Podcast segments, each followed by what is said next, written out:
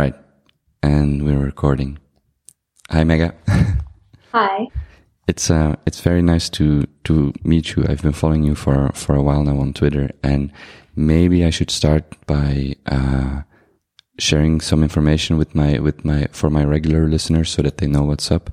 Uh, I really enjoy following. There are some people I follow on Twitter, and I really enjoy being on Twitter because there are conversations to be had there that are quite difficult to um, have on other social media or even in real life. And you're one of those people who I find interesting. Uh, you recently wrote a short art article, for example, about eroticism, but you you tweet about art and uh, and literature. And I often find myself nodding or, or agreeing to what you're saying.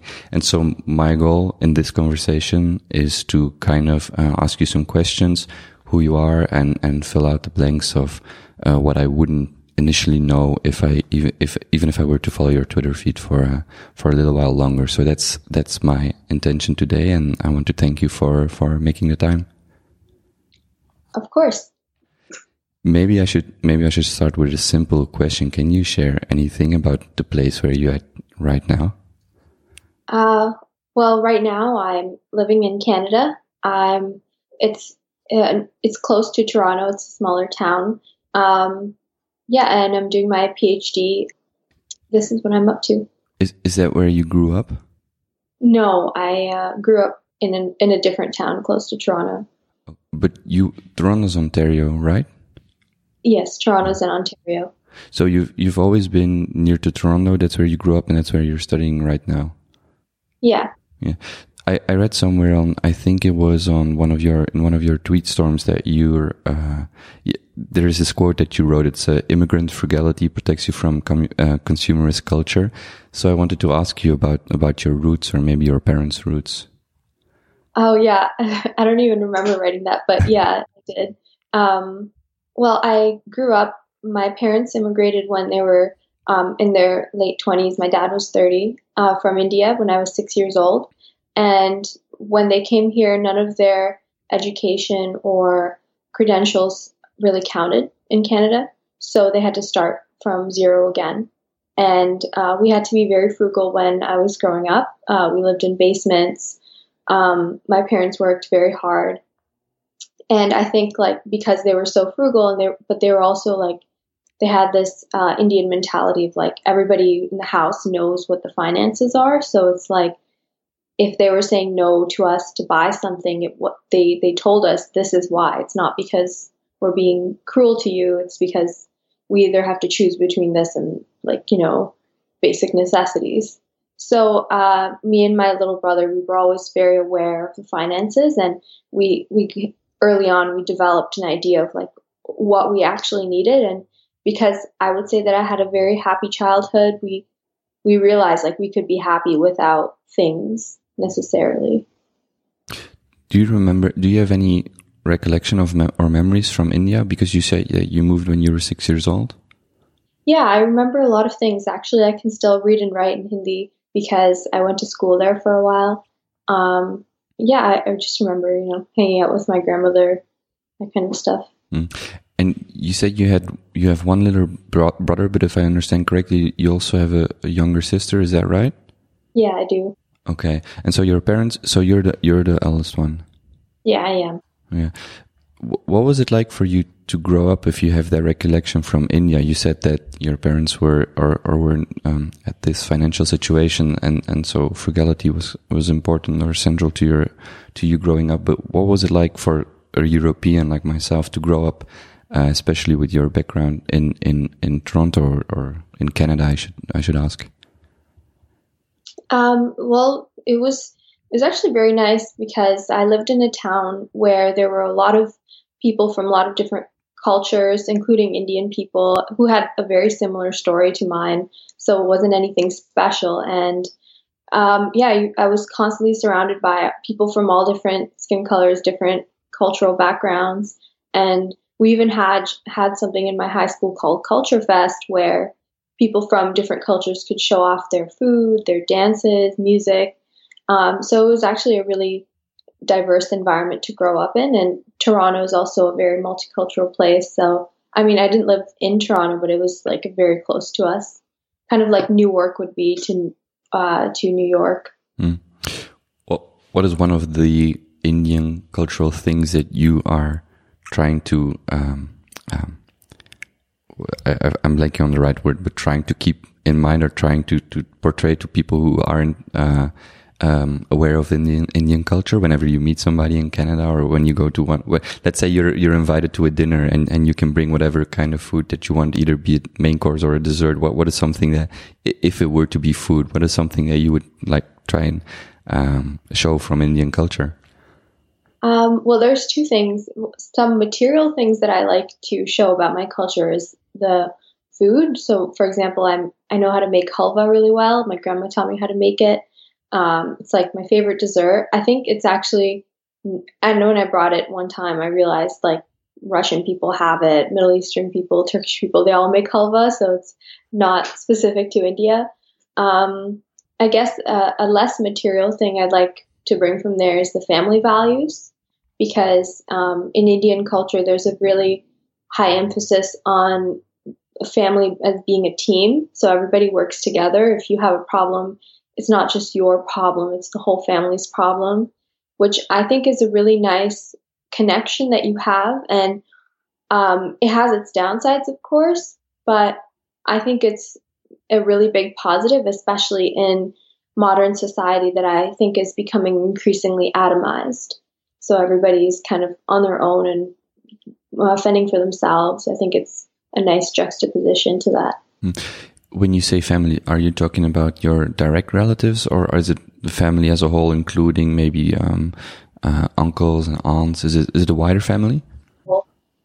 Sorry. So it's family as a whole, hmm. including mm. uncles and aunts and stuff. I'm I'm very lucky. I realize like other people might have a big family that is, you know, not not necessarily composed of nice people all the time, which I know is probably the case for many people.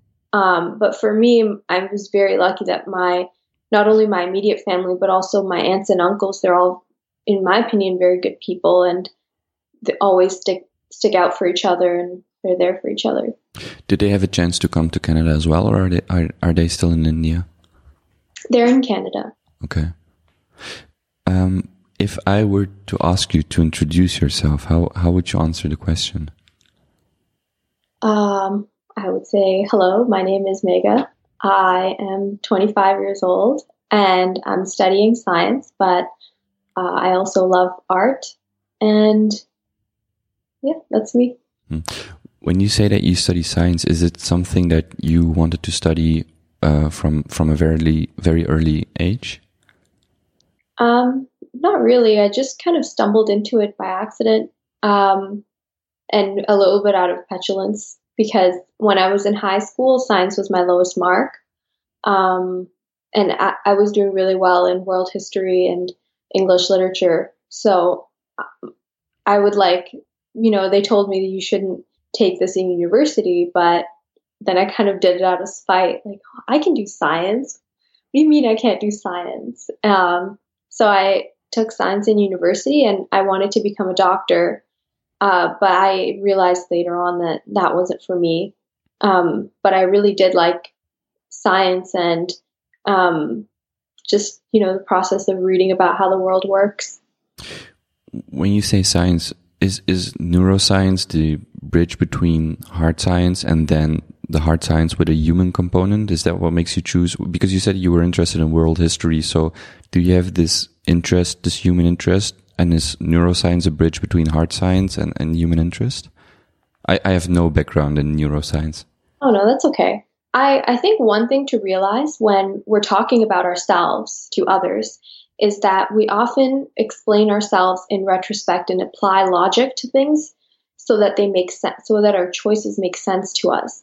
But really, the reason that we do things is often not even clear to us, and it's often much more random than we like to believe.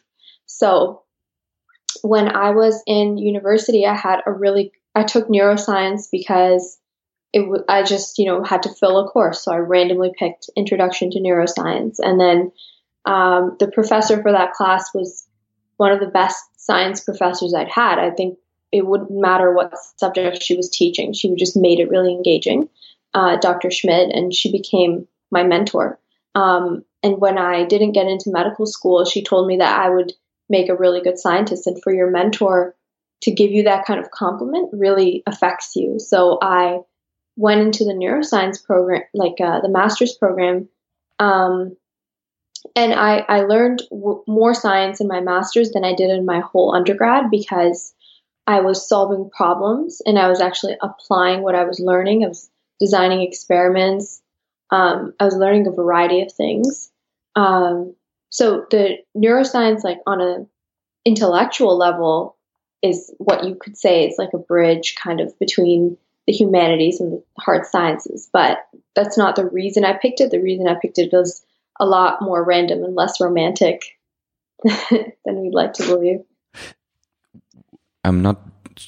I am slightly familiar with the system, the undergrad system. So when you say that you went into neuroscience, does that mean that whenever when you went to university, you immediately went into neuroscience, or was there some broader um, um, um, some broader education that you were part of, maybe biology or something else? So I, I, did in Canada. How it works, at least, is that I did my bachelor's in science, um, specializing in uh, human anatomy um, and physiology. So I had to take all of the biology, biochemistry, organic chemistry, um, calculus, uh, like all of those subjects. And then as the years went on, I could take like more specific subjects like fetal physiology, reproductive endocrinology, and the and stem cell biology. So these courses they re- they required you to know how to read scientific papers, how to design experiments, how to like so you were learning kind of at the very edge of what we actually know in science and what we don't. Um, and then after my undergrad, I did well. I'm completing right now. I'm writing and submitting my master's thesis in neuroscience. Um, and my neuroscience project was about how how we can optimize our use of um, anesthesia in animal studies.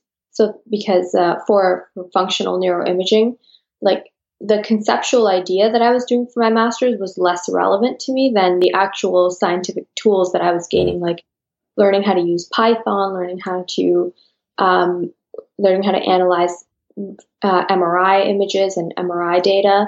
So that was like the underlying basis of my MRI. I mean, my master's, mm-hmm. and then now my PhD is like a project that I actually designed, and I'm actually interested a lot more in the um, science behind it and the concepts. So I'm continuing MRI research, but now I'm looking at how anesthesia might affect the cognitive abilities of elderly pe- people who are undergoing procedures that have anesthesia involved because actually nobody knows. And we've been using anesthesia for like more than 50 years.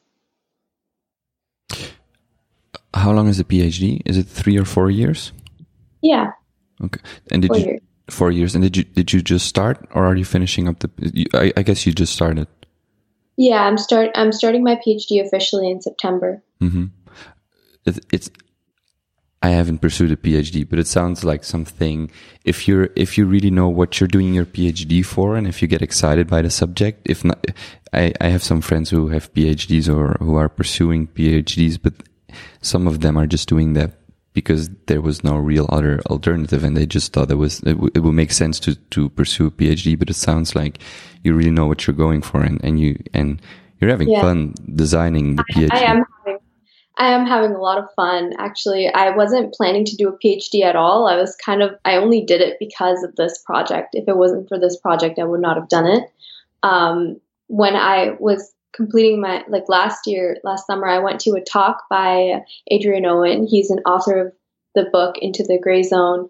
And I really liked that book. And I saw that he was giving a talk. And I'm so clueless. I didn't realize he's a professor at my own university. so because uh, he had just started. So I went to his talk, and then after his talk, I asked him a few questions about like if he had considered something else for one of the tools that he uses, and then I. Um, you know, I, then I was home and I just couldn't stop thinking about it. So I just wrote up a proposal for him and told him, like, you should hire someone to do this for you because it would be so cool to see the results for this in your next book or something. And so he just told me, he's like, why don't you do it? You can be my PhD student. And I, so that's what, that's how I ended up doing a PhD. It wasn't. You genuinely didn't consider that he would ask you to do this? Um, I like, cause I wasn't planning to do a PhD. So it wasn't on my radar hmm. at all. I just like, you know, designed it for him and I was like, it would be so easy for you to just like use this now. Hmm. If you hadn't pursued the PhD or if you weren't about to pursue the PhD, what would you have chosen to do? What what what field would what? I was I was planning to go to medical school. Um, or I was planning to try to get some kind of job. But I started like, you know, there was like multitude of reasons why I did the PhD. One was the project, and another thing is I realized in my master's that I really love teaching. Um, I was a TA, and I just had so much fun teaching the students and designing the uh, lectures. And I did something different. Most teachers, they just, you know, throw up a pow- most TAs and professors, they just put up a PowerPoint and they just, you know, the students take notes. But I you know, because I have my artistic ability, I wanted to use that. So I would draw like one or two diagrams on the whiteboard and just talk for an hour and like have a conversation with the students. And they really like that. Um, so I decided to do the PhD because I realized I could have a lot more options afterwards if I want to teach, whether that's at a private school or at a university. I realized I don't want to teach at a public school if I if that was my goal was teaching. Hmm.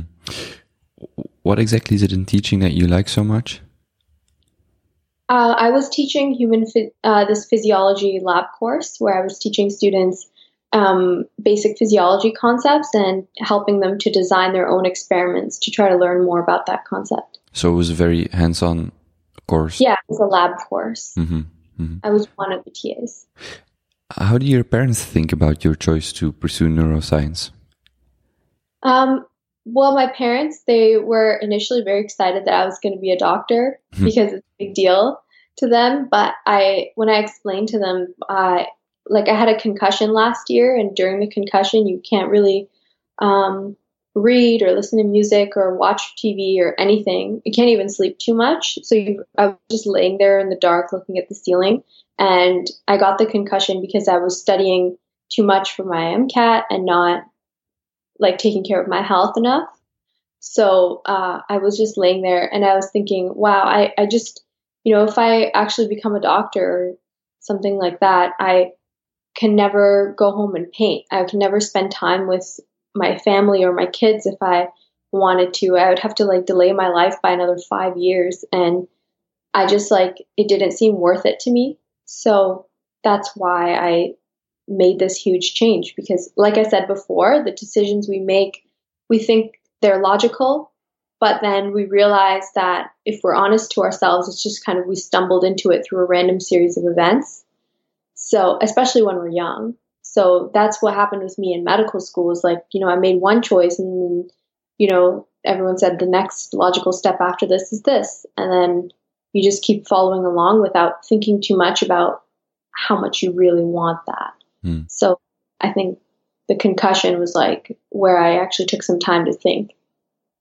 Did they actually give you this? So I guess you went to a hospital and they actually told you like you just had a concussion because you did, you weren't taking care of your body well enough.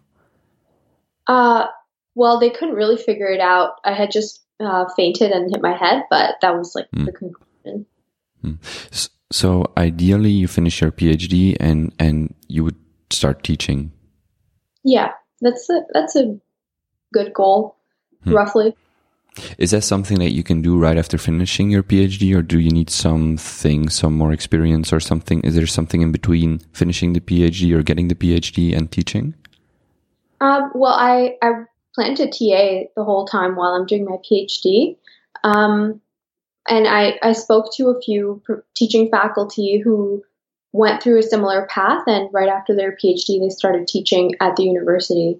So, you know, fingers crossed it happens just like that. But other than that, I, I think like if I don't get a teaching faculty position right away, I can teach at some other kinds of schools where, you know, a PhD in neuroscience might help me get hired. So there's this great essay from Paul Graham from my Y Combinator. It's called Cities and Ambition. And I always send it to all of my friends because he argues that, or he explains how your environment has a very big influence on who you become and what you think about and how it yeah. inspires you. And so whenever you feel, I lived in Vienna for six months and I feel, I feel really, really fortunate to have spent some time there because you just walk around and you're, at least I was constantly impressed by the, the amount of sheer beauty. You don't even have to like the style, but it's just so beautiful to, it's so, it's, it's so nice to spend your days around beautiful uh, architecture uh, or, or, a city or, or a campus in your case.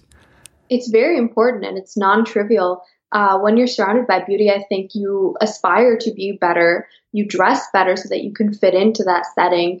Um, you like you believe you have like more hope for where you're living. Where it's if it's gray and drab and ugly, like you don't really feel like being there. You don't feel excited to look at things as you're going. And when you're not excited to be in the place where you are, your mind cannot be present. And when your mind isn't present, you're more likely to think about your future, think about your past, think about anything else. So we have OSAP, which is the government helps you to go to university. So if you can't afford it, the government will pay not only your tuition, but also your living expenses and your um, like food for the year, which I, I think is extremely amazing because if I didn't have that, I wouldn't be able to go, I wouldn't be able to afford to go to university.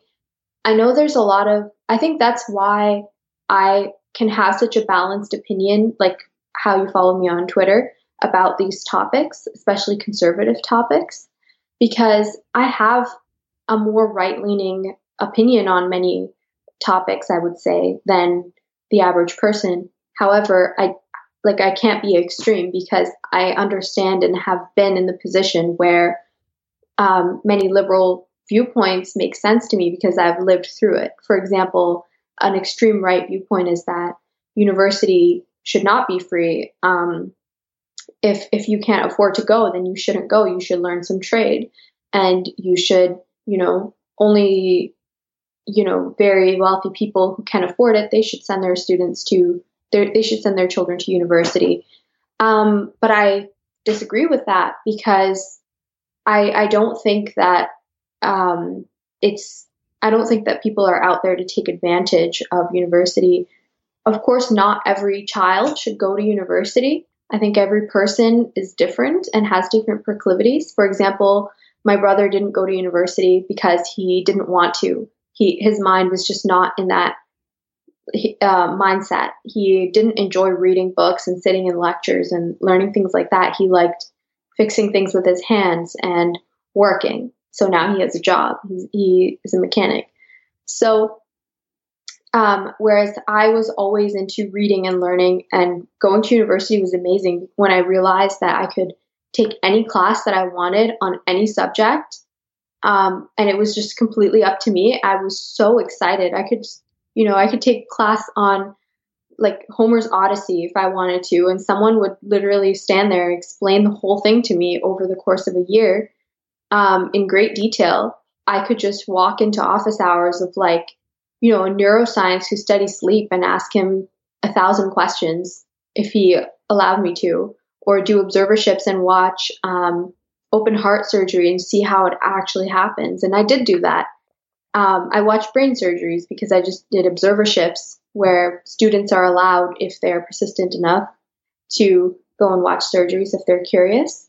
So I, I think you can't tell from someone's parental income whether or not they're going to have that interest to go to university and take full advantage of the kind of environment that it is.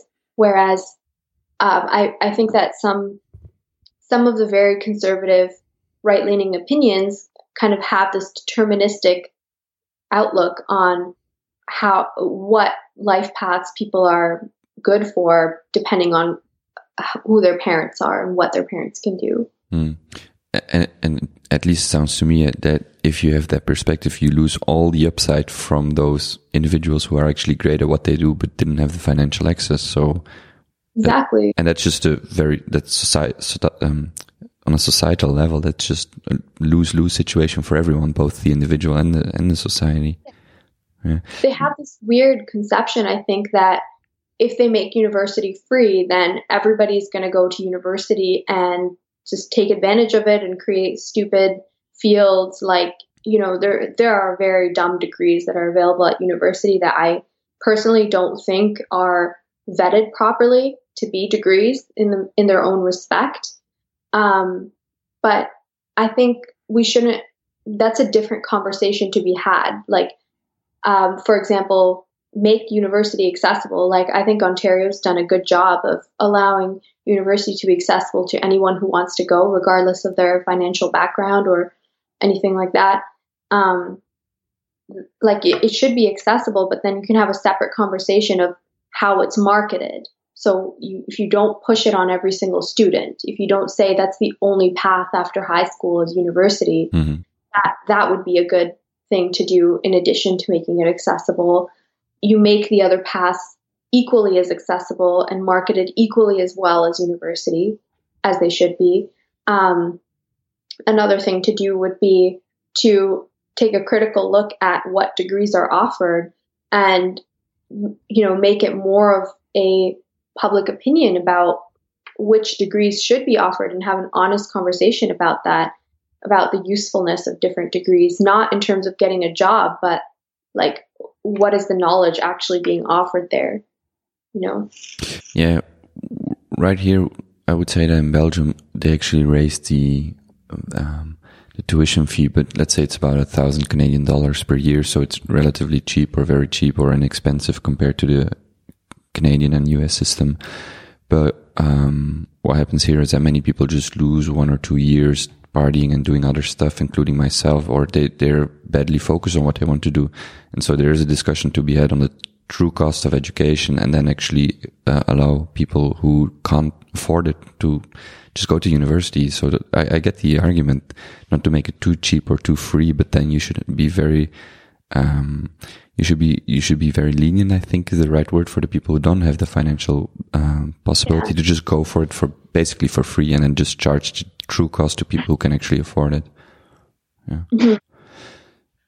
Percentage wise, how much does the neuroscience uh, PhD or edu education as a whole, how much does it cover your your interests? How much do you feel like you're getting, you're growing as a person intellectually? Um, uh, like, well, the thing is, I don't put all of my intellectual growth in one basket um, my PhD and my graduate school, my graduate schooling is just one facet of my growth as a whole person eh, as I go through life. So, you know, I, I learned a lot about science and consciousness and the mind and those kinds of things through my science education. But I take, uh, I, I'm just the type person who wants to learn all the time. So I read a diversity of books in my free time. I study art on my own. I'm kind of self teaching how to paint um, by following a lot of artists on Instagram, uh, and they they often put up like Instagram live where they're painting, and I just watch them paint, and I learn so much from just doing that, even if they're not talking. Um, I take I'm taking Russian lessons online um, so that I can improve my speaking in that language. I sometimes I try to read books in French and I go back and forth between French and English so that I don't lose the French vocabulary. Um, yeah, so uh, you're, uh, you shouldn't put your entire education in the hands of just your school system. It's like a whole life thing. How do you go about because you there were some themes that I wanted to discuss with you, one being art, another being literature, and you touched on both. So how do you go about, let's say, building a great library? Uh, okay, that's a good question. I would say I just uh, I just follow my curiosity about what I want to learn about. Um, the way that I collect books is I listen to podcasts, and if someone really really interesting on the podcast talks about a book in a compelling way, then I want to go and read it. Or someone I respect a lot recommends a book to me, I will read it.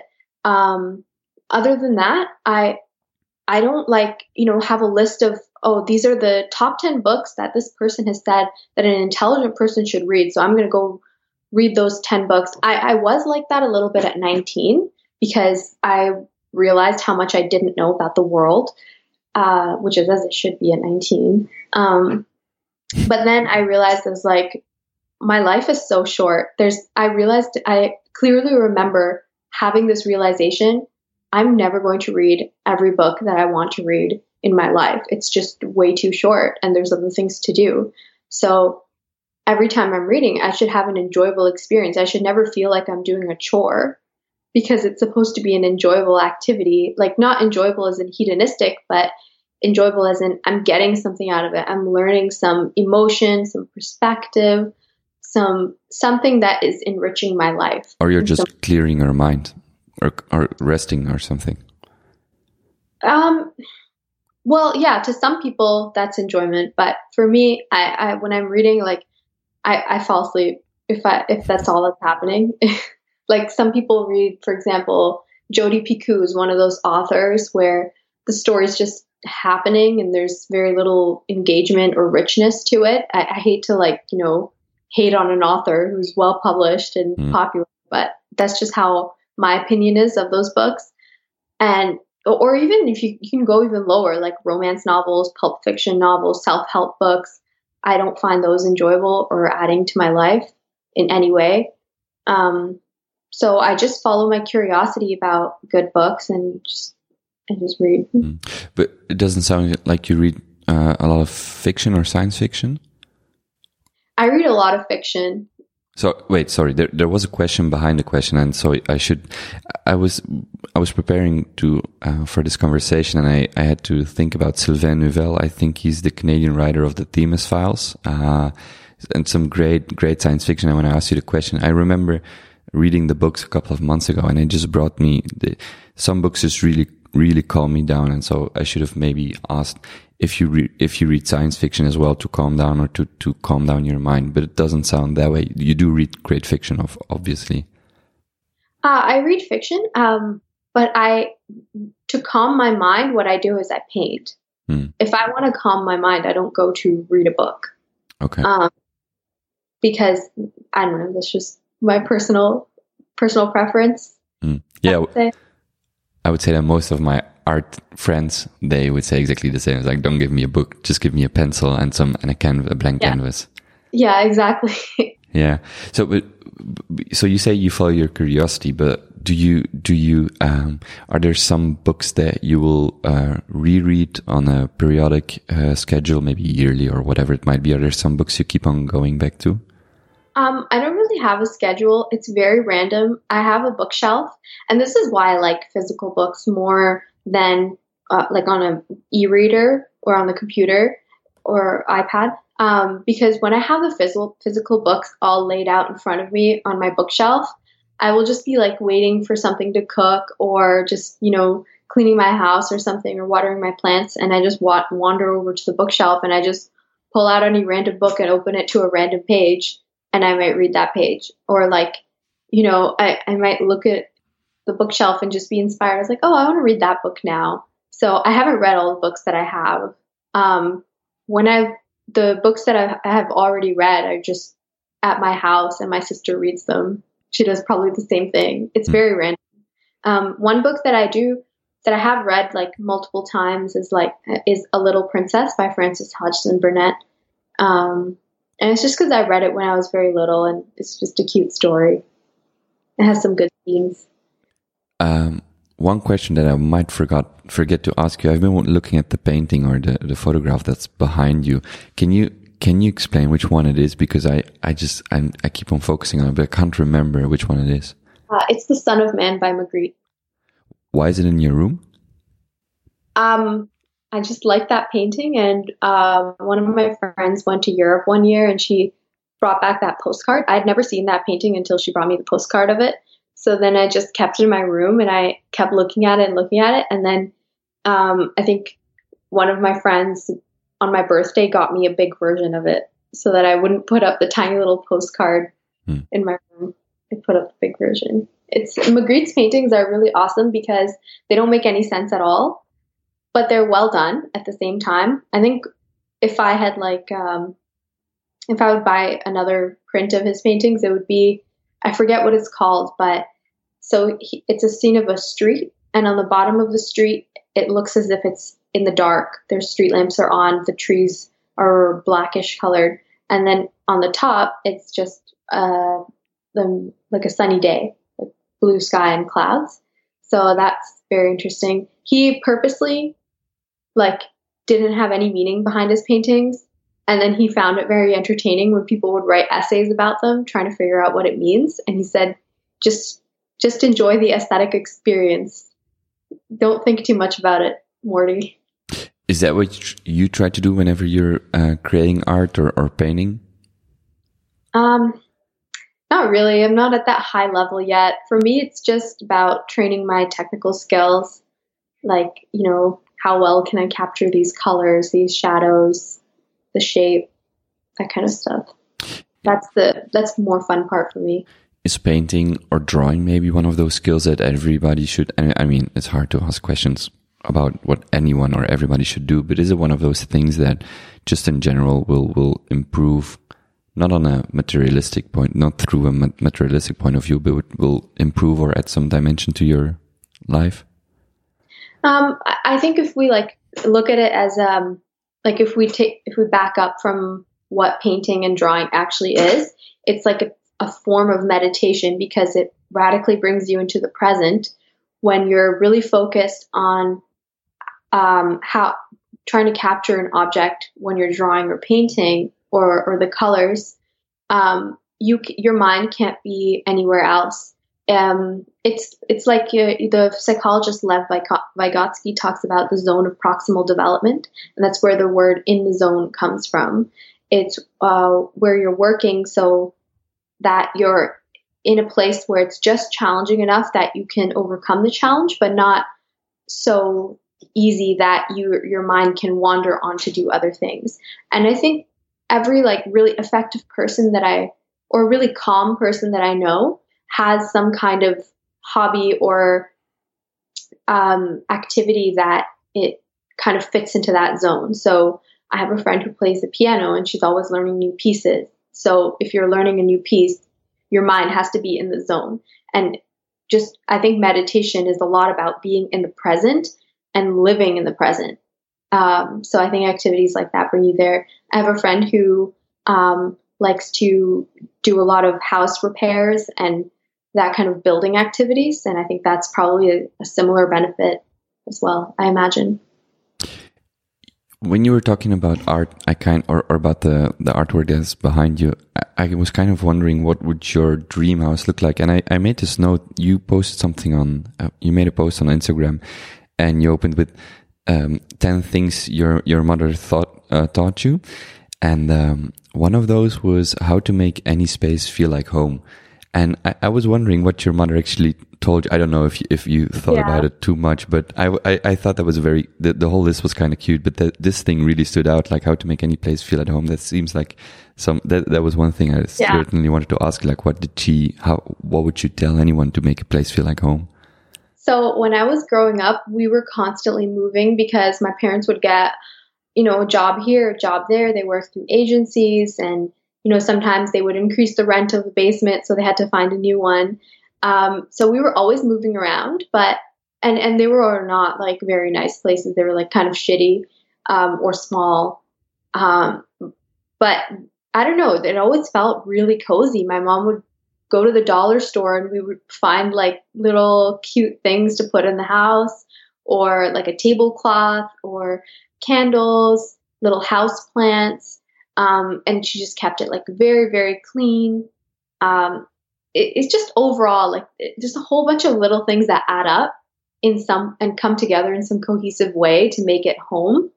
Um, and I think uh, when I went to university, I, I constantly had to move too. Like, you know, roommates change or you don't like this place because of this. Now the lease is done, so you're going to move. So um, everywhere I went, I kind of copied her in keeping it really neat and tidy and organized, and also having those cute little decorations.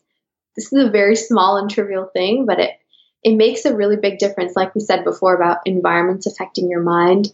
So just keeping your environment beautiful and how to do that, just keeping it clean and cozy. If if I were to walk into say three houses, how would I uniquely be able to identify yours? Like, what is something that will definitely uh, fill your room or fill your house? That's a very good question. I'm going to use that question later. It's. Um, I think I'm borrowing it from from the Askol uh, deck. There's this question, and I, I kind of paraphrase it, but there's this question. Um, what is some sign that somebody uniquely understands you or knows you? And and uh, that's a great question. Um, yeah. And so I was thinking in that regard of of your physical space. I mean, of course, you'd see my things, but how would you know that they're my things? Um, hmm.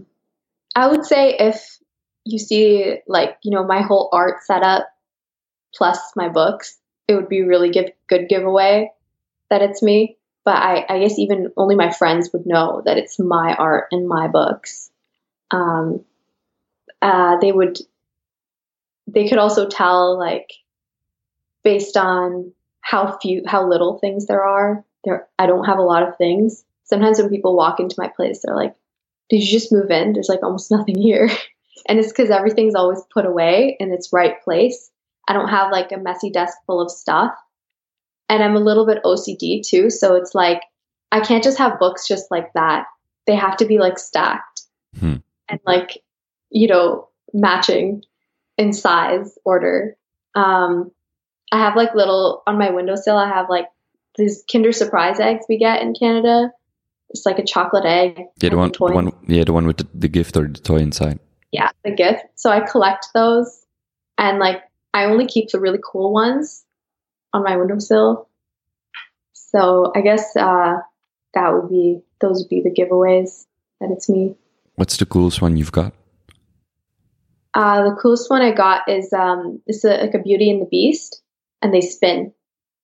It's it's that one in a car that if you like back it up, it, it like you know accelerates. Mm. goes to the other side of them. Those are top two. That might be one of the uh, most beautiful hidden jobs I ever thought about to design or think about what to put in Kinder eggs. I never yeah. thought I never thought about that earlier, but that might be a great job. I always thought it would be so cool to put like uh, four pieces of a toy and like four different eggs, and the kids would have to like find all four that fit together to make the toy.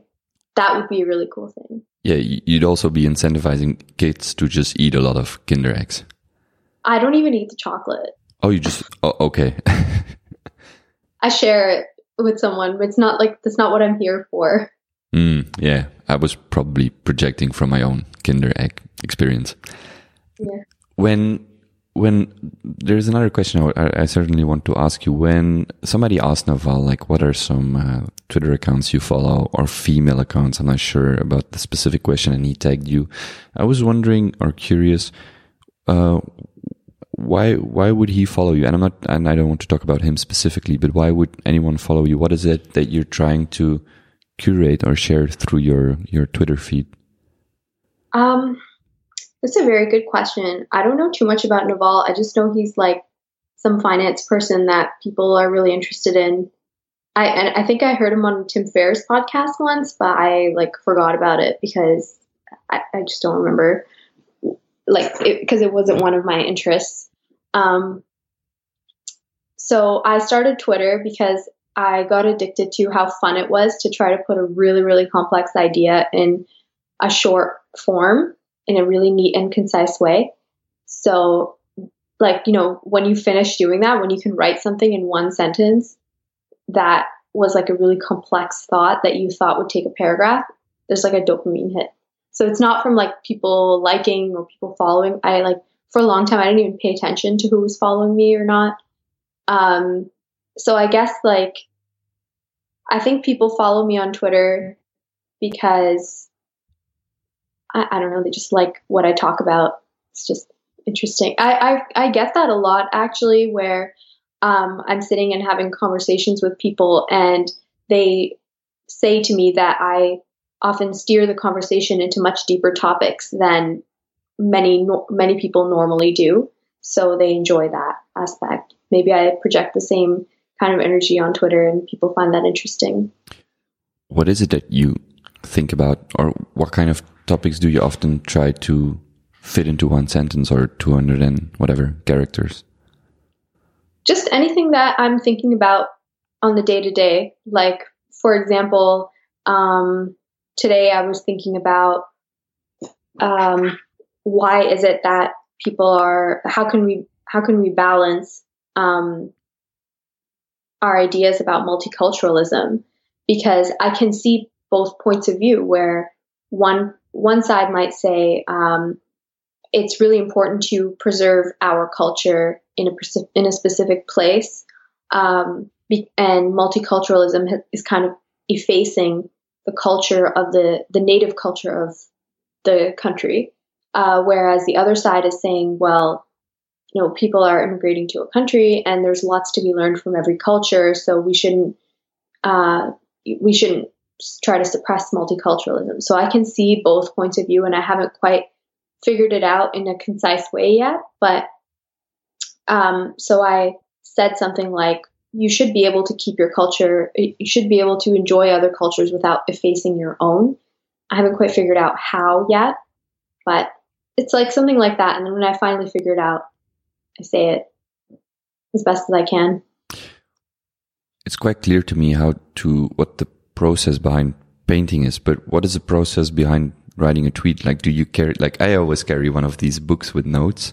And so that would be my process to come up with anything seemingly intelligent. But I, I, I wonder, like, do you, how do you go about reducing or, or, um, um, crystallizing the, the one sentence out of a complex topic? Um, well, I just, this is going to be really disappointing, but the way that I started using it is because my normal notebook that I write thoughts in whenever I have them, um, it was like so inconvenient. Like it would be all the way in my backpack, and then I'd have to like pull it out, find some like surface, and then write. Whereas my phone was like already in my hand, I'm listening to music, and then I just have this thought.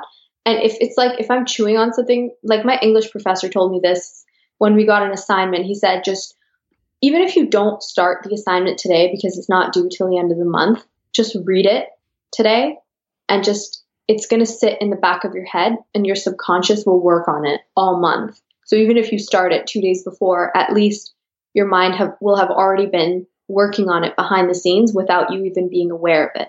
And that does happen a lot. That's where shower thoughts come from because you see something or read something and then you think that you forget all about it. But if it's salient enough to you, it's just going to sit in your mind. You're going to be constantly thinking about it.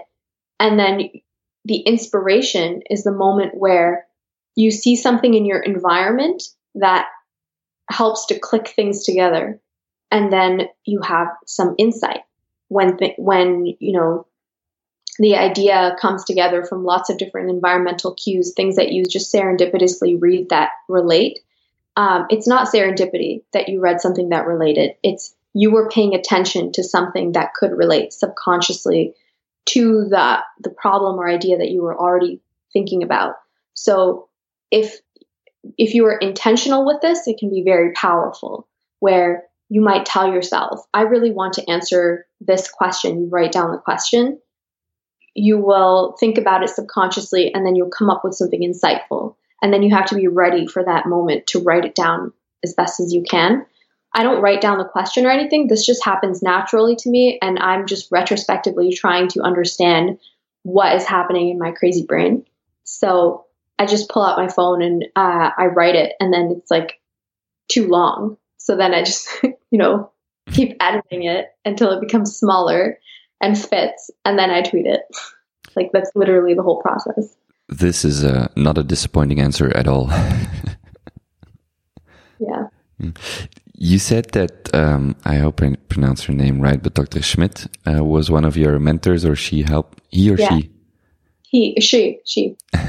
she helped you on, on your path. How how do you think about mentors, and and uh, if you and if you have any others, other ones? Um, well, she helped me because she believed in me and she told me that I was very good at asking good questions and she liked how passionate about I was about the subject and she complimented me. She noticed when I did something right, which when you're like 19 or 20 years old is like rare. when you do something right. So someone you respect compliments you. I think that's really important if you're in a mentoring position. And I did that to my students when they wrote something well or they did something right. I would point it out to them because it might not always happen. Um, my other mentors would be like my PIs, of course, principal investigators. That's for graduate programs. Um, because when I have really big problems, they're able to break them down into steps and then I can solve them. And I'm like, wow, I thought this was impossible, but I actually did it. Um, yeah, mentors are very important. They should be someone you who is in a position where uh, you would like to be and who you respect a lot. What do your mentors have in common? They they all sound uh, quite intellectual on a level, or quite highly educated, or is it? Or I mean, that's just one part of it, obviously. But what what else do they have in common, or what what makes a good mentor to you? Um. Well, a good mentor is a good teacher. That's for sure. Um, and they don't always have to be super highly educated. For example, um, it's just I think I can turn anyone into kind of a teacher if I ask them the right questions. They can teach me something. Um, my mentors are just people who are excited to answer your questions and they're not annoyed by it. So, are there people you look up to who might not be mentors or have an active role in mentoring you, uh, but are there some people you look up to or aspire to be like? Uh, let me think about that. Yeah, well, this is kind of a cliche answer, but I really look up to Audrey Hepburn. Of course, she's dead and she's a famous actress, so she can't mentor me. But um, I just, I don't know who, I of course didn't know her in person, or I can't because I haven't read a biography by her or anything, but I know just by reading about her what she was like and everybody around her loved her. Um, but she also, I watch a lot of her movies. And of course, in a movie, it's not how you really are as a person, you're acting, but the way that she acted in the movies, she was very graceful and elegant and but she was also not afraid to talk and speak up and be herself and and just enjoy life at least her characters in those movies. So i kind of conglomerate those characters that she acted as and what I read about her on the internet as Audrey Hepburn in my mind, even though that's not who she might be in real life. Um, and I look up to her, and uh, that really mentors me a lot because I think about, um, you know, am I behaving in a really elegant and graceful way? Am I dealing with the situation gracefully right now? So uh, you just find people you admire in everyday life. Another one is like my best friend. She's my age. She's not really my mentor because she's living her own life. Um, her name is Anna, and she she is very like level-headed as a person. I've never seen her get like lose control of her emotions, and I've been friends with her since I was 18 years old. Um, so I always you know, when I'm in a really tough situation, I always think about what would Anna do right now or what would what advice would she give me? And it just, you know, it always helps like hmm. that. Fun fact, by the way, Audrey Hepburn was born in Brussels, in Belgium. I think her parents were traveling, but she was born in Belgium. She was almost born in Izmir. Her mom is from Izmir, and my roommate is from Izmir. That's why she told me that. I'm checking the time. We're coming up on an hour. Do you still have some time left, or should we should should I kind of wrap up? I still have more time. All right, then let's continue because I still have a bunch of questions. Sure. Um, who do you go to for advice? Uh, I go to my boyfriend. He's very wise. Um, I go. Well, I go to my friend Anna. Um, I go to my mom. Those are like, and I go to them for different things. So those are like the main three people. There, there's some there's some uh, red thread. There's something connecting the things that you've been saying. Like when I ask you about mentors and people you look up to, you always refer or very often refer to people who are physically and emotionally, I guess, close to you.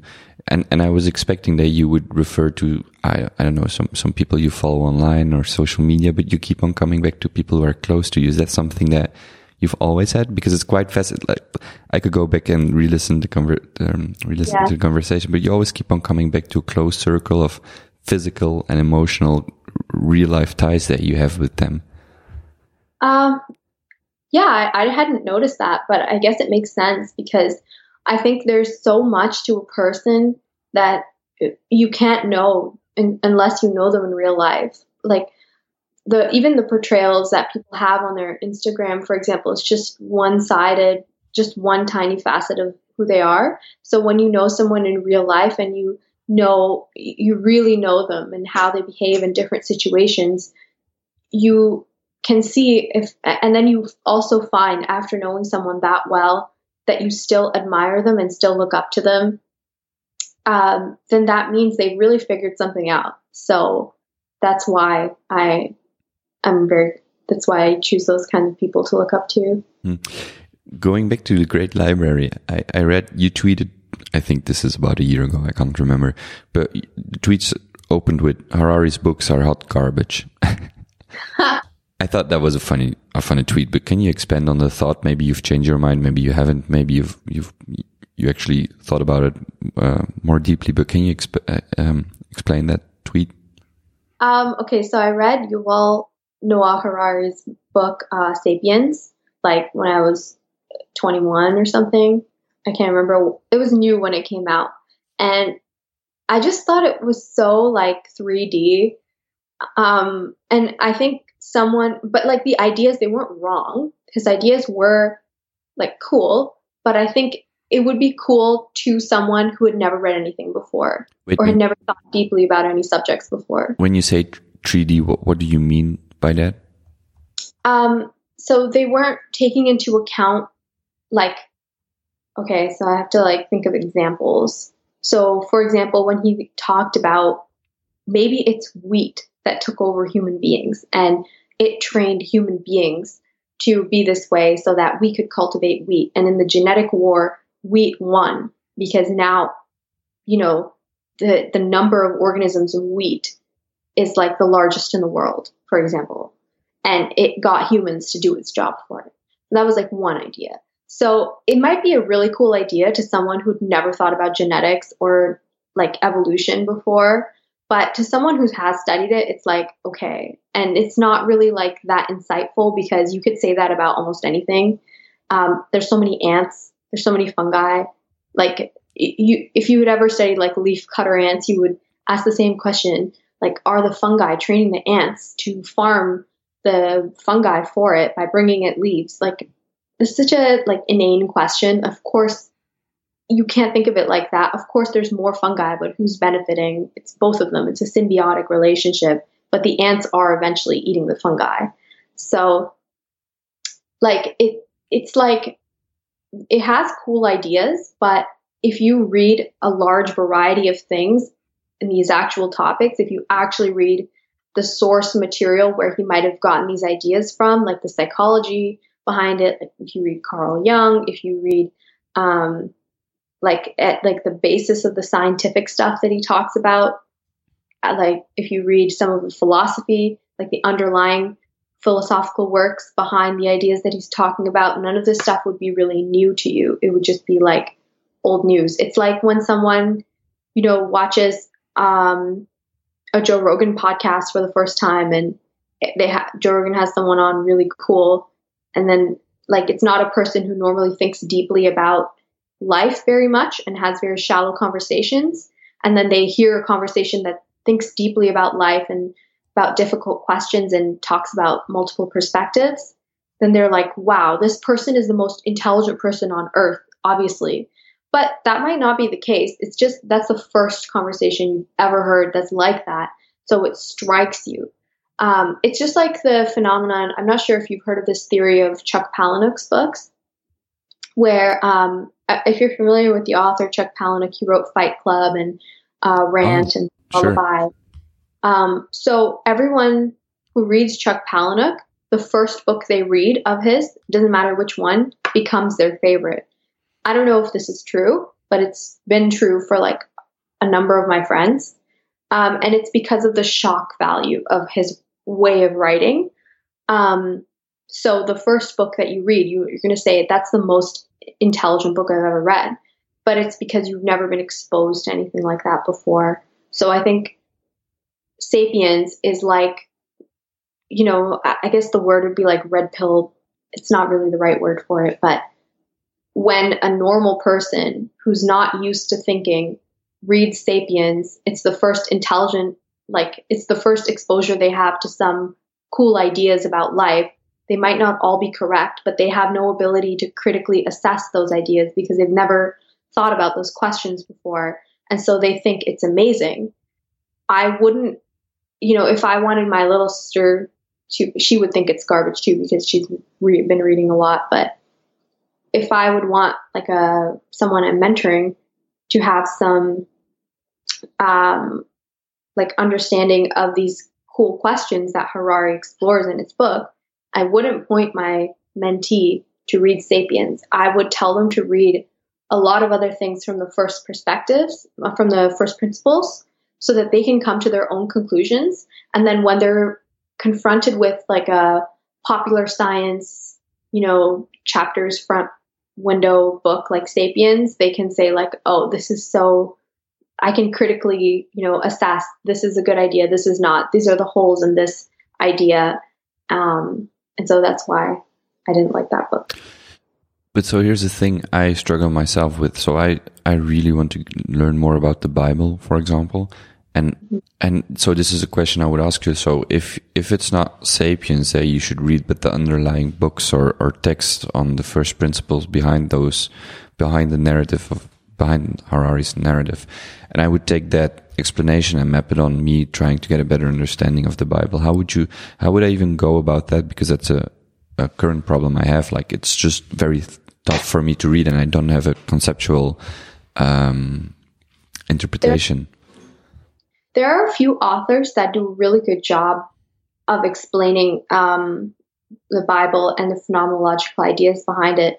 Um, for me personally, when I I read the Bible because I was taking um, I was, studying English literature uh, at a higher level in university, and for example, I had a full year class where we read every single play by Shakespeare when I was 19.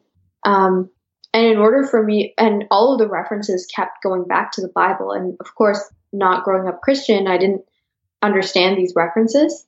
So at one point, I just got frustrated and I was like, okay, I'm just going to sit down and read this whole thing so that I can actually understand these references. So I read it and I didn't understand it, of course. It's such a like, you know, dense book, books, of course. So, but it just gave me some framework. And then I listened to Jordan Peterson's Bible series that was really interesting to me. Explained a lot of the stories. Um, and then it was like going back and forth. And then I was reading Shakespeare, and I think I understood a little bit more about the Bible by reading Shakespeare. Um, and then C.S. Lewis gave really good insights into it, and um, Brothers Karamazov by Dostoevsky also had it. Exp- the reason that I think these books are really good at explaining these concepts is because it does so through fictional characters that are developed using these concepts. So we understand it implicitly rather than explicitly.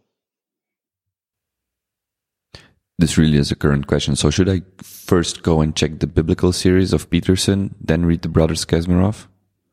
Uh, read do both at the same time. All right, all right. Uh, Nothing's stopping you. Yeah, and actually, Fight Club is on my shelf, and I'm unsure if I should read it at all because it would be my first uh, book. if, you were, if you were 16, I would say read it, and then you would like be a Palahniuk worshiper. If you were 16, if you were a 16 year old boy and you read Palahniuk, you're going to become a Palahniuk cult worshiper because, like, that's just the nature of it. But if you're at all developed in your mind, you will see Palahniuk as a lot of BS um, because you're reading it and you see these logical fallacies and things that he's asserting because he said he, he's really quick about it and he's really eloquent. So he says A happens because of B, and then B B leads to C, and then C leads to D, and he just makes this um, like explanation for things. Um, for example, there's this one character called Oyster in the book Lullaby, who is a hippie and doesn't like wearing clothes, and then he is justifying his use of the grimoire to like that they're looking for in the novel. Like spoiler alert. Um, and the grimoire is you know, it's supposed to give you satanic powers so that you can kill people who you don't like.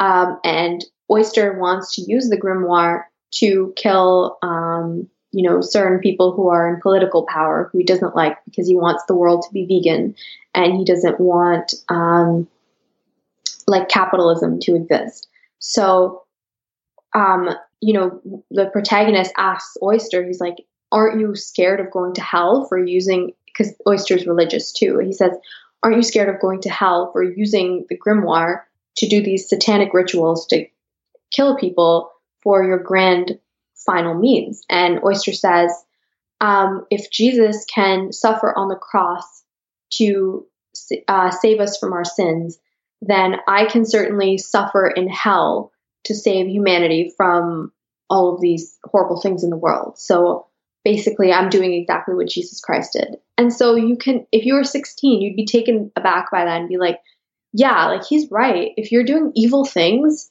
but they have a good end, then you're basically like Jesus Christ. And hmm. so I don't know if you can see it already why, where the problem is with that equivalency. So as you mature a little bit, you realize it's a false equivalency and one is not like the other. So it's actually it's like kind of blasphemy. So it, that's why Palahniuk is kind of dangerous because if you don't have those logical, critical thinking abilities developed, you can't poke holes in his ideas uh, as confidently and as carefully mm. as you do.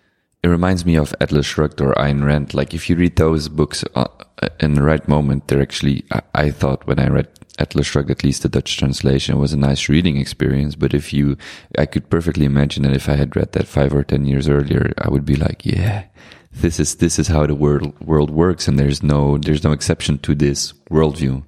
Yeah, because they, it strawmans its characters, and I think that's where Ayn Rand is different than Dostoevsky. Because um, in when I read Atlas Shrugged, I was like, wow, Dagny Taggart, she's just you know she's just trying to do a good job in her job, and there are all these leeches who are just trying to steal from her and stifle her creativity and her industrious endeavors. But the the reality is the reason that we think that way is how she wrote Dagny Taggart's antagonist was as like very slimy, weak, horrible people.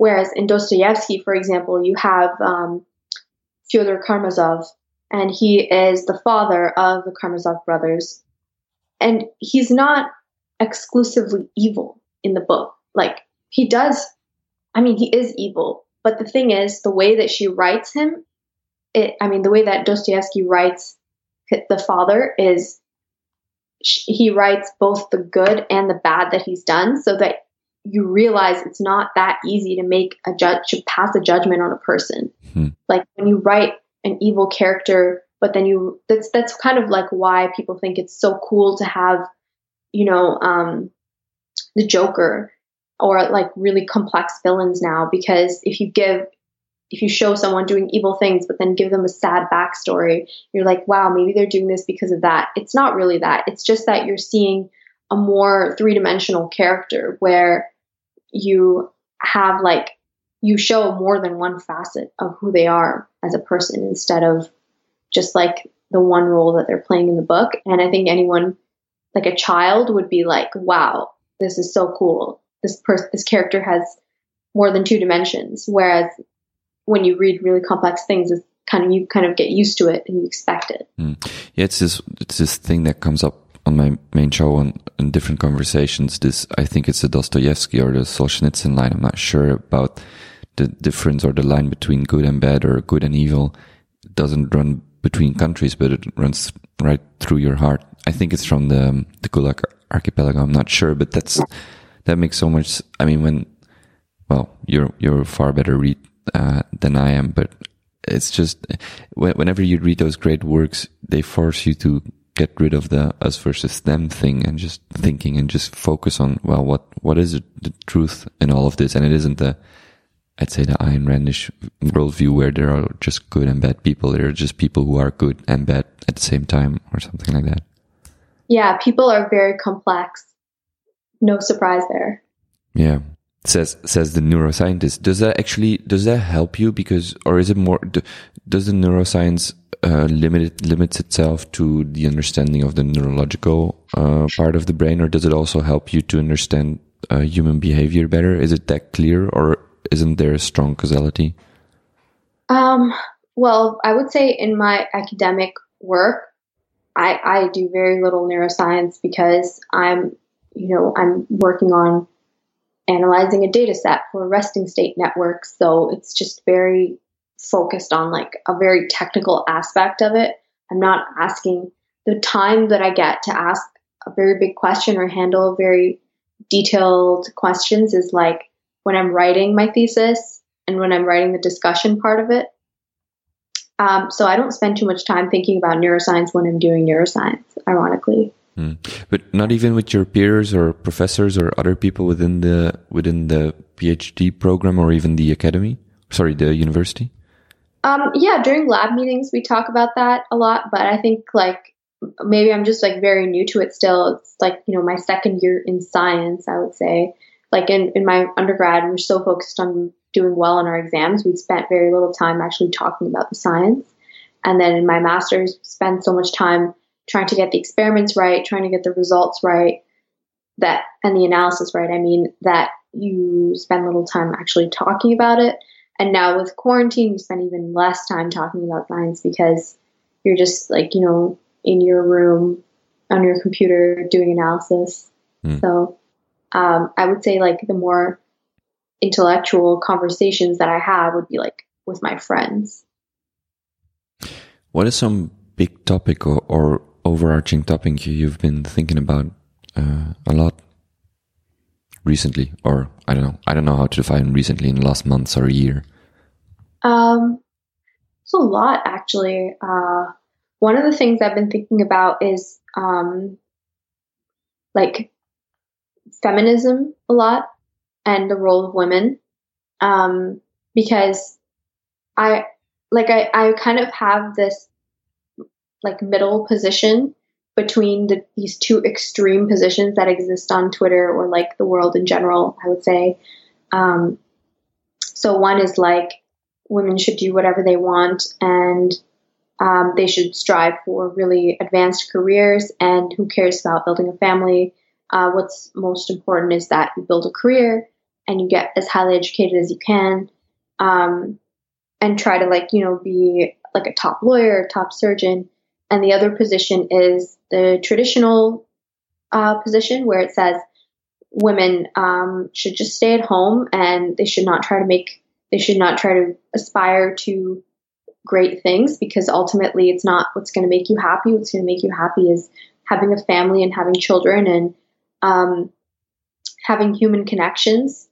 So, and, and, you know, they kind of excoriate women who wear a lot of makeup or women who are sexually pr- promiscuous, and they excoriate um, just very modern feminine values. And I, I don't, I disagree with kind of both of those positions entirely because I, I like I take things from both of them. I don't think it should be an either or question. And I don't think in practice, any woman that I know who's a balanced person actually extremely believes either of these things because it would be ridiculous. And I think online, people only say their extreme opinion because it's more, it gets more attention. So we see those more often. Um, I do see a shift where women are not uh, getting married or settling down until later in life and then they realize like if they want to have children it's going to be very hard for them and then a lot of women do realize that like they they didn't they wanted to have children more than they wanted a lot of accolades in their career um, but then i also recognize and i think that's where the trad female mindset actually comes from is from not having experienced any problems with relation to feminism issues in their life like firsthand. So, uh, you know, I, I know my grandmother, she wanted to go to university and become a nurse, but she was not allowed to, and she was married at 18. Like, she didn't have a choice in the matter. And I know in India, there's a lot of issues that women face, like, you know, it's um, difficult for them to, there's a lot of like villages where if you are on your period, you're not allowed to sleep inside the house. Um, you know, in rural places, also like women are not, g- little girls are not given as much food as their brothers. Like if they want cream or yogurt or something, like like that's for the boys. So that these things still exist, or like literally, girls are not allowed to go to school because the money is saved for the boys. Um, and I think having an understanding of like the the traditional like the trad females like that's what it's called online i'm sure you've like seen it like you have to realize you have to be careful what you wish for if you wish that all women would just stay at home and not vote and not be highly educated and just go back to that 1920s female like like if you glorify that vision um, you don't see all the problems with it that come along with it. And you have to be really careful about what you advocate. So that's what I've been thinking about lately is how, how to get some kind of balanced middle ground between these two ideas of women in society. Mm. Is that something you will you will write about more in the future? Is that something that you find challenging to uh, I don't mean challenging to think about, but challenging to share your opinion about? Um, and I mean I challenging in a good way, by the way, not challenging as if you're not uh, living up to whatever you should be, but but challenging in a way uh, that this topic is important enough to share your thoughts about. Um, it's it's challenging to like think about when it's relevant. So it's not always relevant to talk about this. I guess it's just when something happens in the world and then you comment on it, or someone says something extremely ridiculous and then you just like because you can always find ridiculous things online that people say and then you're always reacting to them and that will just drive you crazy um, yeah it's I, I think it's pretty figured out like just have a reasonable middle ground i don't know why like for example recently they said uh, there's something that was being said about how girls only use social media because they want male attention which was of course it's true in some cases but it's not always true so I think it, it, it's constantly about not giving in to the extreme opinions mm. on either side. Doesn't that make it difficult? And that, that was, no, sorry, I'll ask a broader question. Why are you then on Twitter or what is your reason to be on Twitter? Uh, other than, I mean, you said earlier that you, you're trying to um, condense the thoughts into one or two sentences, but do you feel like there's enough room for healthy discussion um, through that medium? Uh, sometimes. So, for example, my healthy discussions don't happen on my Twitter feed because it's like uh, you know pe- people don't always reply with the intention of having a good discussion. Um, but then I find like-minded people who are interested in the same kinds of questions message me, and then I talk to them, and that's where sometimes I they send me links to stuff or articles, and I learn stuff from them that way. Um, and it's more for myself to, I just, uh, if I think about something really complex and I'm able to write about it, it crystallizes the idea so I can have better conversations in real life. And I think real life is ultimately where you can have the most productive discussions. So, how do you go about having good discussions or surrounding yourself with people who are able to have these these discussions or these good discussions? Um, or does, or does it just come naturally to you? It just it, it just happens. Uh, you just, you're lucky in the moment. You know, you're having dinner or you're having um, you're sitting down with friends, and it just you, someone asks a good question, and then you all talk about it. Something you you end up learning something. Mm. You wrote this this article on uh, eroticism and um, and and mystery, and it's related to this discussion, or the, the, question I want to ask is related. How much do you, how much time do you spend thinking about uh, how the medium uh, forms or, or influences the, the the message or whatever happens? And and you refer to, or I would refer to something like Tinder and how that changes how we how we think about dating per se. Like dating right now is sending somebody a text on Tinder, whereas dating 20 or 30 years ago would have been something very different. Um, okay, well, here's another example where I can take the middle ground. Um, I don't think it's completely on Tinder or online anymore. Like, like for example, my boyfriend worked with worked in the same building as me, and he asked me out in person. It wasn't through an app or anything like that. Um, so it wasn't. So I don't think it's 100% like that. Um, I think your social media it it can connect people together, but most of the couples that I know have met in real life. So it's I, I, I don't know how much to I haven't used dating apps really, so I can't comment too much on dating apps, but that article was mainly talking about uh, how much of your life you should put on social media and how much you should learn about a person through their social media as opposed to in person.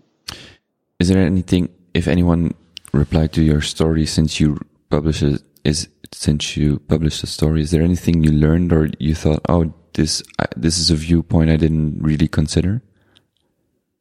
Uh, I haven't actually uh, read any replies yet from that story, but um, my I showed it to my friend and she commented that um, like you do need to look at a person's social media in order to see like whether or not it's like a real person or not or if there's like red flags or something like that. And I and I agreed with her yeah like you can find red flags in a person through their social media what makes you write an article like what, how do you go and and I, I I could understand if the answer is just like I just feel like writing about it but how do you decide or how does a an article or or even an essay come to be? Like, do you? What's the the tipping point where you where you just take your pen and just start writing an article?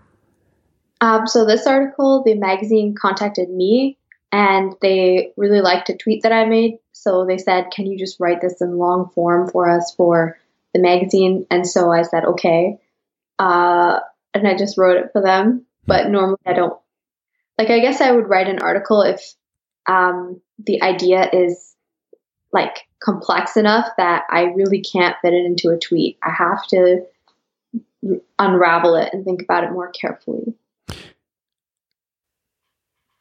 I asked you before what your media diet looks like, or, or I, am not sure if I used those words, but I'll just ask it again. Like, what does your media diet look like? And what I'm trying to get at is, how do you go about uh, and we talked about books already, but how do you go in general about filtering out good information, staying up to date with what's happening in, in, in your city, in uh, Ontario, in the world, and then combining that with great literature? Like, how do you think about these things to keep, I don't know, to remain mm. sane uh, and not, uh, no, sorry, I shouldn't have added that part. Just talk about your media diet if you want.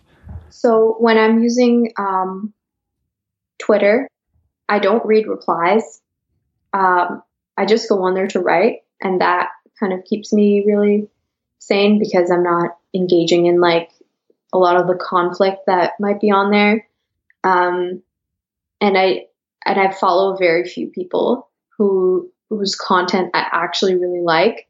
So you know they might post poetry or art or like really cool photography or or genuinely cool ideas.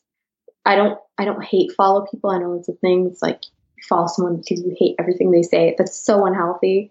Um, I only follow people who like if I see their post, it's like, wow, I learned something. It usually adds something to my life.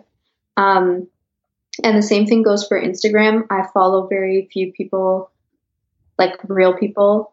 Um, it's usually just friends that I know in real life, and I'm just genuinely trying to keep up with their life because I care about them a lot. Um, so like, you know, if they post, oh, I bought a house, it's like, wow, I'm excited about you for that. And I'm going to call you and talk about it. Um, instead of just like people I don't know, strangers posting about their entire life. That's so, this seems so strange to me. Why would I do that? Um, and I think that's what addicts people a lot to it. It's they're seeing these amazing photographs from strangers having an incredible life, and it just seems like a waste of time. Um, and on Instagram, also, I just follow like artists. And so when I go on Instagram, what I see in my feed is mostly just artists po- posting their work from the day. So either I learn, so I usually end up learning something from it. Um, yeah, that's basically my whole. I don't read the news really. Uh, I think that's probably healthy because the news is full of sad things um, and things that I don't really have a lot of power over anyway. So I, I don't know if that's a good or bad thing, but I'm pretty happy. So that might be a consequence of it. And I just read whenever I feel like reading. Hmm. So. We touched. Do you still have about ten or fifteen minutes? I, I, I'm. Yeah, all right. We touched on art a little bit, and and now that you mentioned your your Instagram or Instagram in general, I saw this highlight of yours where you, I can't remember the name, but there was more in it, and I think it referred to to art, and I just wanted to talk to you about art. I saw that you visited Prague. Is that right? I didn't visit Prague. I have never been to Europe. Oh, but didn't I see those pictures with or photographs of you standing in front of big artworks and they were taken? It was just um, it was pictures from the exhibition. I was watching it like online because I couldn't actually go. Oh, okay, okay. Yeah. What what is it in art that you look for? If if there's anything you you consciously look for? That's a really good question. Um, I guess if it just captivates me, an image, like you know, there's like in the in in that exhibition, the the I think it was called it was about like Slavic history. It was it was so big and there was so much going on there telling a story in a cohesive way. And the techniques were really beautiful. So whenever i see a piece that's like striking for some reason i just you know share that and then i try to figure out why it was striking to me and i write it down underneath so each piece is different um, i guess it's just individual taste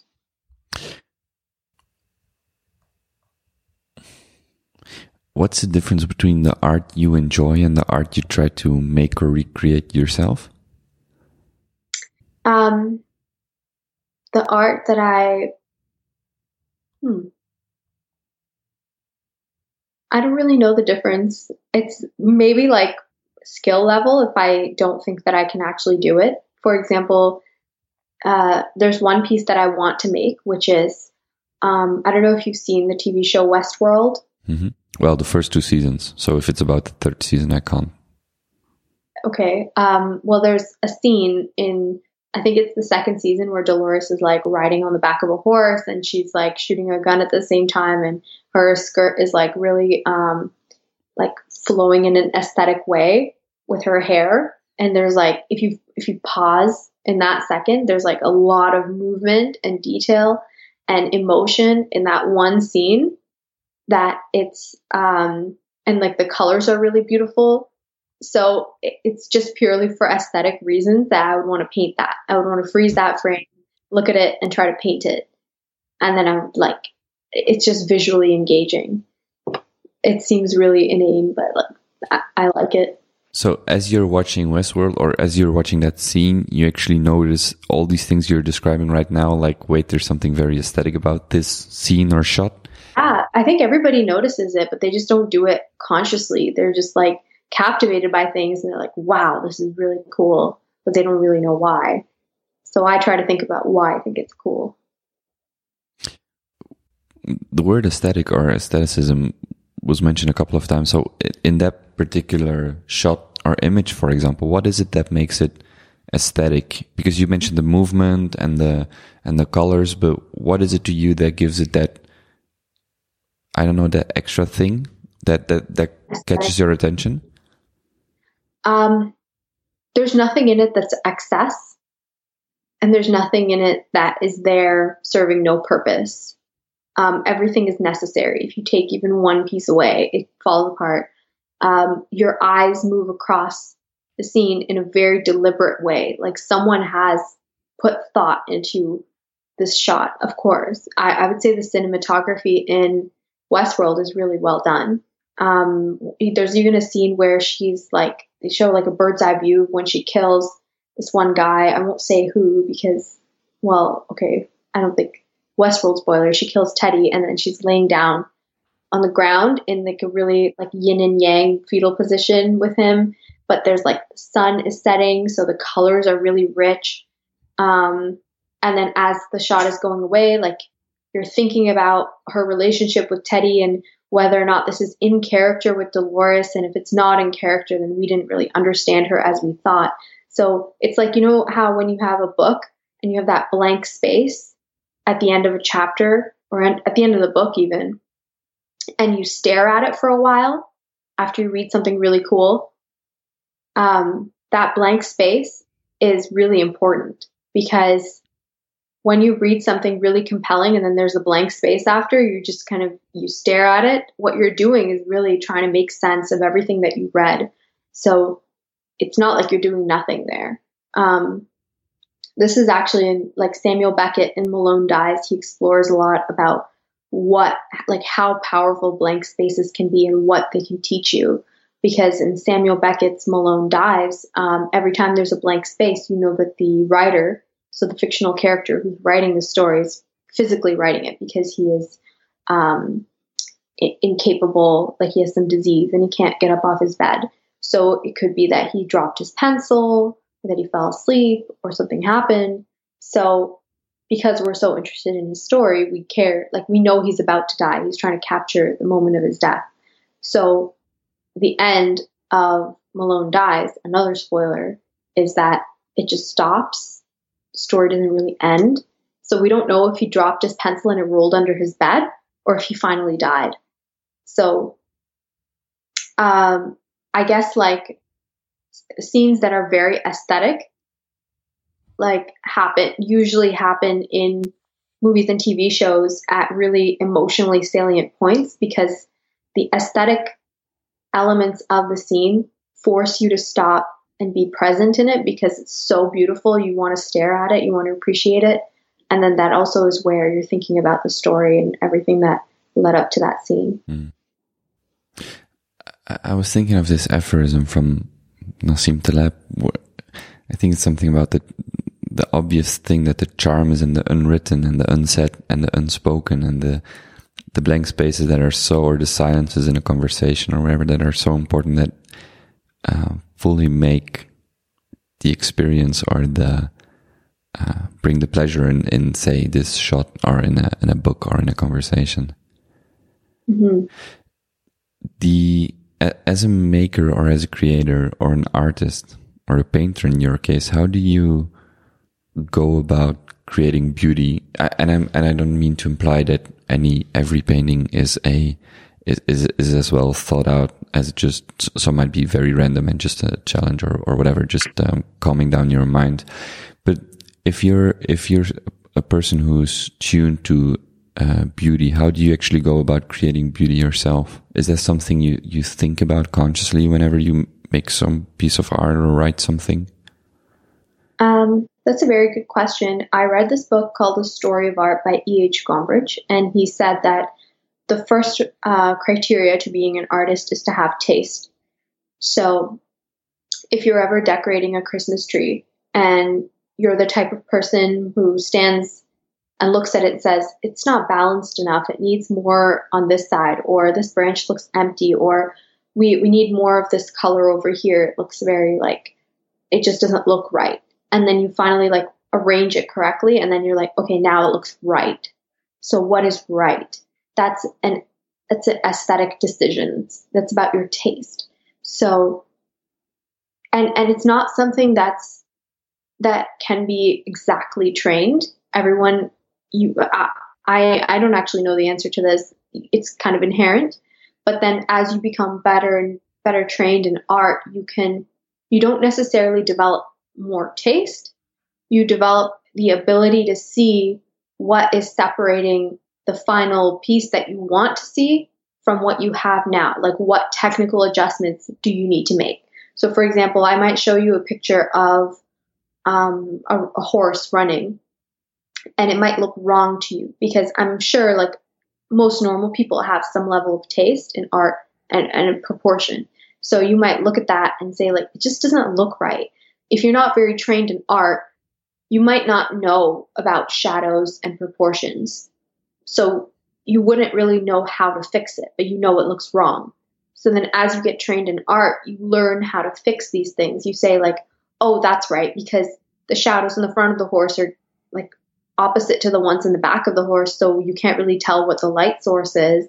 And, you know, the shadows right under the tail and right under the, this muscle are not reflective of the actual shape of the muscle, like what shadow that would exactly cast.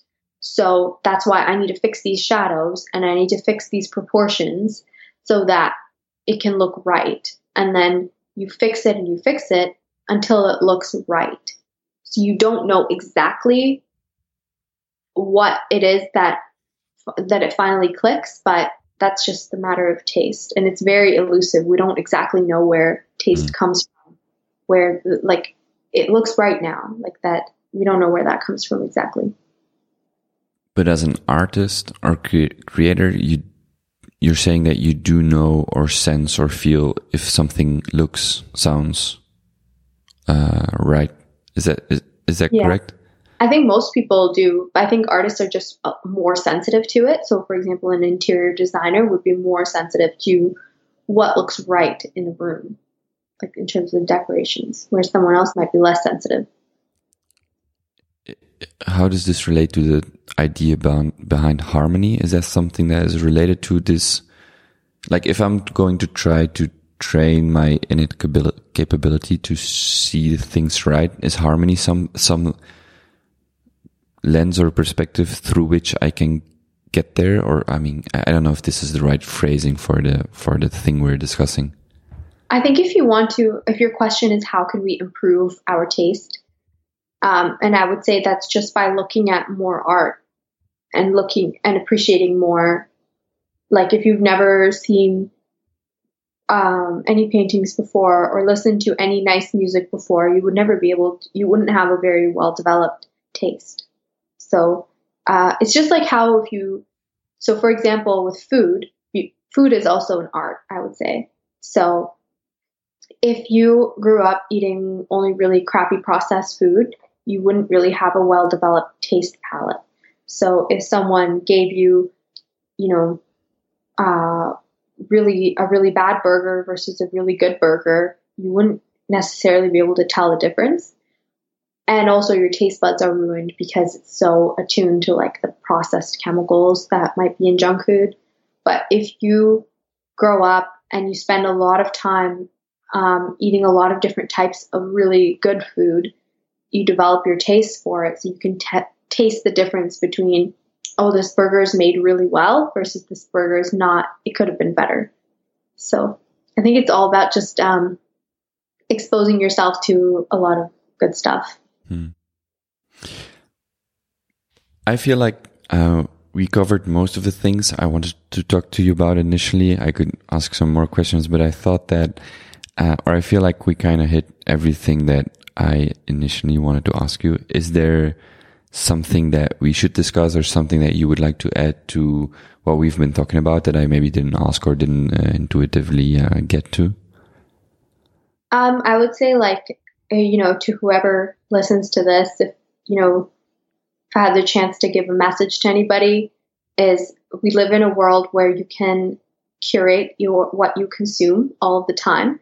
So you should be really conscious of what you're consuming and like be sure that it's something that's really adding to your life because your life is not infinite and uh, you you need to be really careful because it's going to shape your mind in ways that you don't anticipate. When you say curate, that starts on a basic level, like who do you follow? What does your feed look like? And then it goes up to higher levels, like where do you live? Who do you surround yourself with?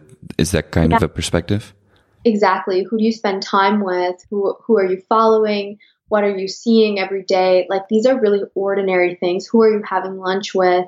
Who are you calling on your way when you're walking to the store? Um, all of these things matter a lot. So if you are surrounding yourself with all really like positive influences that are helping you grow in the right way, um, it's going to improve your life and you will be a much better person all around. Like you don't, um, I think you're, you have a lot more control over it than you think. Where can people fo uh, follow you, find you, or read, learn more about you? Uh, I guess just you can follow me on my Twitter. Mm. Uh, so that's at Margarita Yevred 95. It's just a pen name that I came up with from the book um, Master and Margarita. So, uh, what's what's the book about? Why did you decide to choose it? Just because it sounded nice, or does the book have some um, sentimental value? Well, uh, the book by Mikhail Bulgakov is about um, this writer who's the master, and his uh, lover is Margarita, and she kind of encourages him to write, but really like she forms most of the story, and she prevents him from burning the manuscript, and um, she has like magical powers, and she's also a good writer, so I like that. Plus, it sounds cool, Margarita.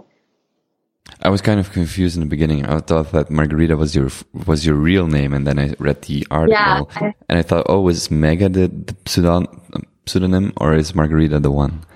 Yeah, and Mega is my real name. I just picked a pseudonym because I found that like people started like asking me a lot of stuff and making assumptions about like with it because Mega is a really like common Indian name, so I was like really tired of people making a lot of assumptions about me. So I was like, let me just put a random fictional character name.